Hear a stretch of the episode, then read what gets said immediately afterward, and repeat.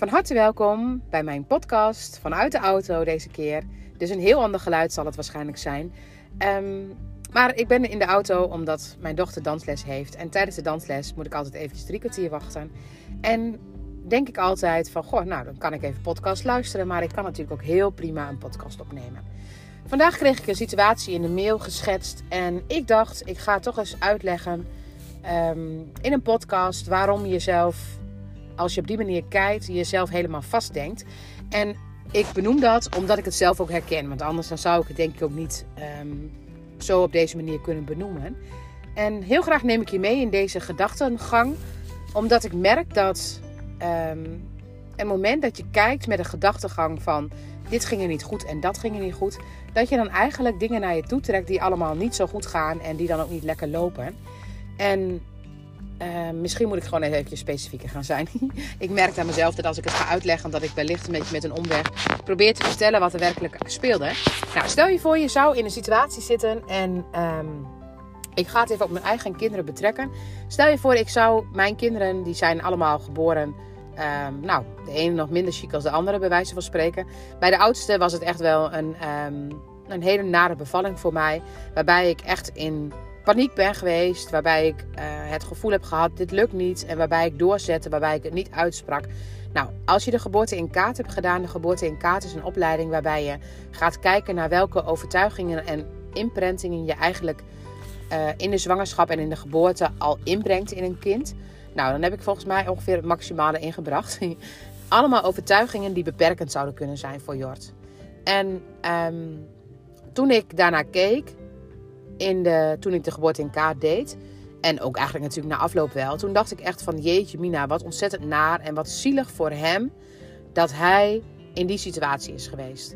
Nou, en ergens vind ik er nog steeds wel dat ik dan denk van jeetje Mina, zeg wat na dat je op deze manier ter wereld moet komen. Maar um, uiteindelijk is het allemaal goed gegaan. En uiteindelijk kan ik zelf zeggen dat als toen ik het op ging schrijven, al die stukjes, zeg maar, hoe de bevalling voor mij ervaren is, hoe ik het heb ervaren, weet ik ook dat het voor mij een spiegel was.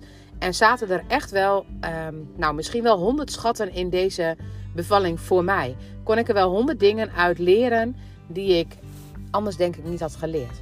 Nou, uiteindelijk is het ook bij de tweede bevalling kwam er natuurlijk weer een verhaal. En zelfs bij de derde keizersnee, zeg maar, toen was er nog weer een verhaal waarvan je denkt van hoe dan? En um, uiteindelijk als ik ga kijken naar bijvoorbeeld Jort en ik zou kijken naar de imprintingen die er zouden zijn ontstaan door zijn bevalling, dan zoals ik, zie ik heus bepaalde dingen zie ik bij hem nog. Um, alleen eigenlijk zie ik ze niet meer, omdat ik er niet op die manier mee naar kijk ik zie wel als ik uh, nou, een bepaalde faalangst, nou dat had ik op dat moment ook, dus ik zie die faalangst bij hem nog wel eens.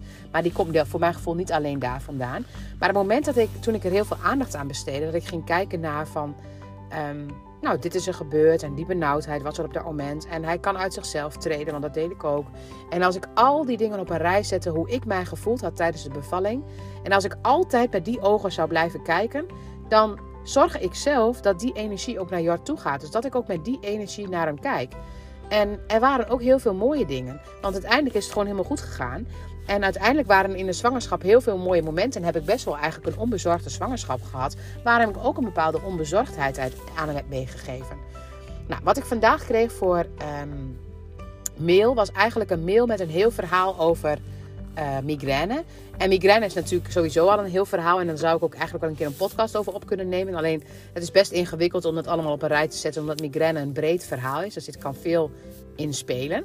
Maar het moment dat ik, uh, dat ik het hele verhaal las. Toen las ik ook allemaal dingen die... Nou, er was een vroeggeboorte. Er was een couveuse situatie. Wat allemaal hele pittige dingen zijn. En wat ook echt dingen zijn die je waarschijnlijk in je leven best wel vaak weer tegenkomt. Als een soort reminder. Of als een soort... Um, imprinting waar je denk ik wel graag soms van af zou willen. Alleen het moment dat je dat ziet als iets wat jou is overkomen en iets wat voor jou zwaar was, dan blijf je ook met die ogen daarnaar kijken en dan zal het jouw leven ook steeds weer beïnvloeden. En um, nou heb ik zelf niet een uh, bevalling ervaren waar heel veel aan de hand was en ook in de zwangerschap uh, is het best wel een mooi verhaal geweest eigenlijk. Maar uh, ook bij mij heeft er iets gespeeld en in mijn leven loop ik ook steeds daar nog tegenaan. Bij mij is het. Um, mijn moeder is uiteindelijk, zeg maar, toen ze. Nou, eerst moest ze al een hele tijd wachten, zeg maar, voordat ik kwam. Want ik ben iets van 2,5 week te laat geboren. En ehm, dat kon toen allemaal nog. Mijn moeder lag in het ziekenhuis te wachten tot het eigenlijk de bevalling begon. Dan heb ik van mijn moeder nooit begrepen dat ze daar heel ongeduldig over was. Maar uiteraard bij een eerste ben je natuurlijk al voor de datum soort van bezig met wanneer gaat het gebeuren. En is dan 2,5 week later best wel lang. Maar daarnaast was er tijdens de bevalling, had mijn moeder de hele tijd 2 centimeter ontsluiting. En uh, opeens voelde ze dat ze eigenlijk persdrang had. Maar volgens de dokter kon dat niet. Die, keken naar, of die had bij 2 centimeter gekeken en had toen het gevoel van, nou, dit kan niet. En um, die is toen weer weggegaan. En even later had mijn moeder persdrang. Maar ja, de dokter had net gekeken. Dus dat kon nog niet. En toen heeft mijn moeder het tegengehouden. Die is niet voor haarzelf gaan staan van ja, maar ik voel het en ik wil graag. Nee, het was haar eerste kindje, dus het is eigenlijk ook heel logisch dat ze daar nooit voor is gaan staan. Alleen het grappige is dat ik dat van mezelf in de bevalling ook weer herken. Ik bleef notabene zelfs bij 2 centimeter steken en het kwam ook echt geen millimeter verder. En um, Daarnaast luisterde ik ook heel erg naar de autoriteit die er steeds was. En doe ik dat in mijn leven nog steeds. Ik zie snel iemand als een autoriteit en laat me daardoor tegenhouden dat ik dan het gevoel heb dat ik dan niet meer kan zeggen wat ik eigenlijk voel. Dus als ik bijvoorbeeld met een, als ik een beeld heb van een situatie bij een kindje die ik onder behandeling heb en ik heb een arts aan de telefoon, dan vind ik het heel lastig om mijn mannetje te blijven staan. Dan ga ik al heel makkelijk mijzelf aanpassen in een bepaalde stand en dan ga ik nou ja, een ander verhaal spelen dan dat ik werkelijk van binnen voel. En um, dat heb ik wel in meer situaties. Als iemand ook maar enigszins sterk of stevig overkomt, dan ga ik mezelf aanpassen. Ook al um, nou, heb ik soms best wel uh, de mogelijkheid, want ik ben echt wel goed gebekt en ik kan ook prima mijn woordje doen. Alleen op een of andere manier kan ik daar uh, mezelf in remmen, omdat ik dan blijkbaar in een situatie kom van de bevalling. En dat is blijkbaar een situatie die steeds weer terugkomt. Maar wat het grappige is, ik kan het zien als iets wat mij ook heel erg heeft gediend. Want doordat ik die positie uh, aannam. En doordat ik mensen ook in een andere, andere stand kon zetten. En dat, dat, is, dat, dat is geen eerlijke stand, het klopt. Maar daarmee gaf ik mensen ook bepaalde credits.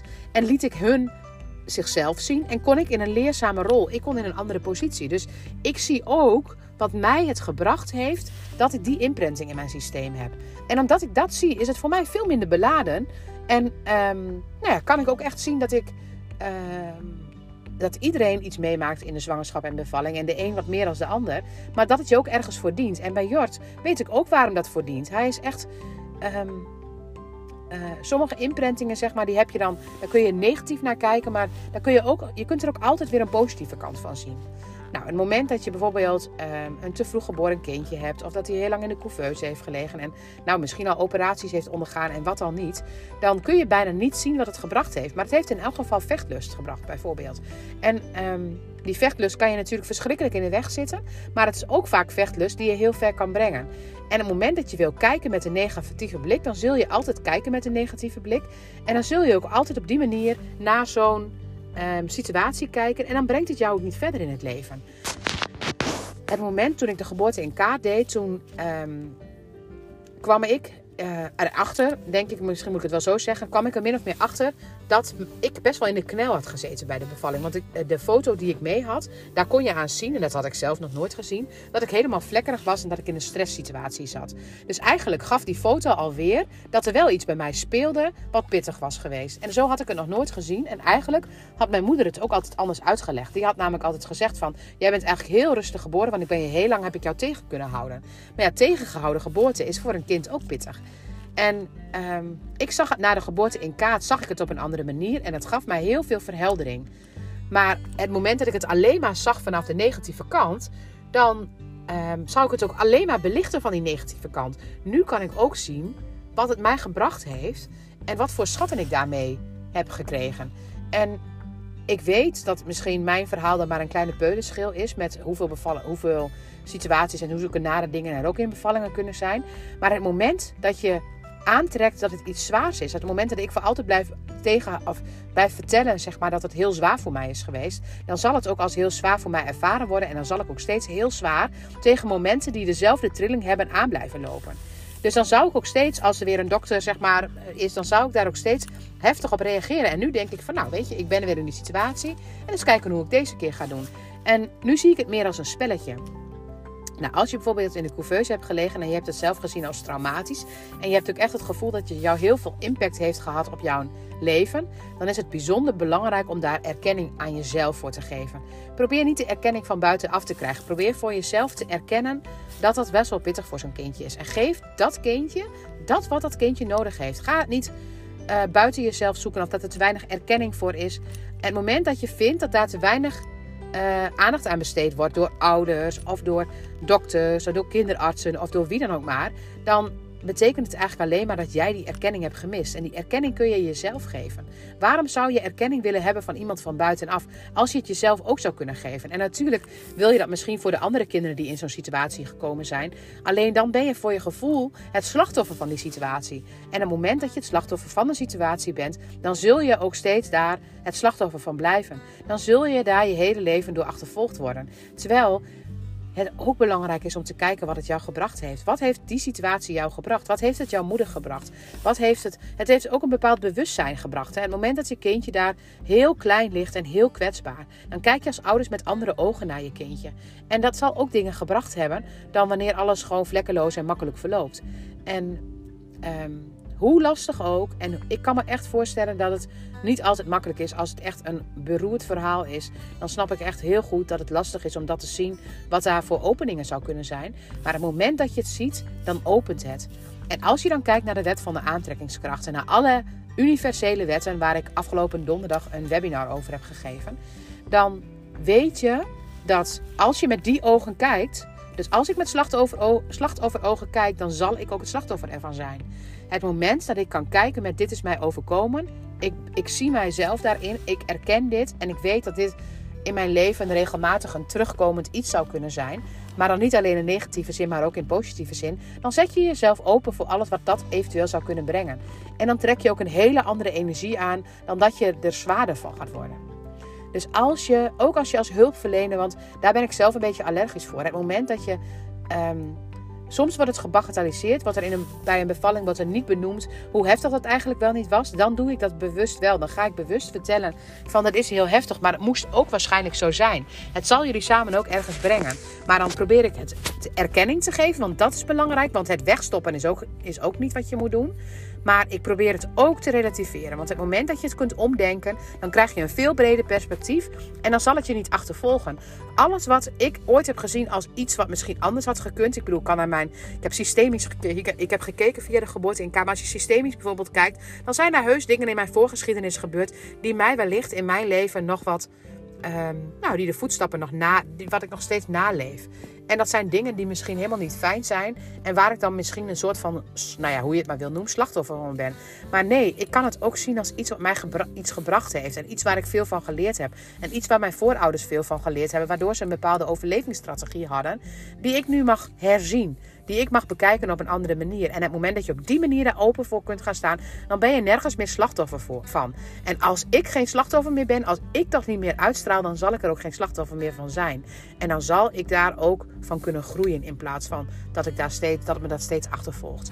Dus als je bijvoorbeeld kijkt naar een kind die een zware bevalling heeft gehad en die daar misschien de gevolgen nog steeds van heeft in het dagelijkse leven, in school of met vriendjes of um, die het lastig vindt om prikkels te ervaren, omdat dat in het begin zo geweest is, dan is het belangrijk om daar erkenning aan te geven. Om het kindje uit te leggen dat dat zo zou kunnen zijn geweest. En dat het ook daar nog steeds, dat het nog steeds impact heeft. En wat heeft dat kindje op dat moment nodig? En ik vraag dan altijd aan mijn kinderen: wat denk je wat zo'n kindje dan nodig zou hebben? Nou, misschien wel rust of misschien wel lekker knuffels bij mama op schoot.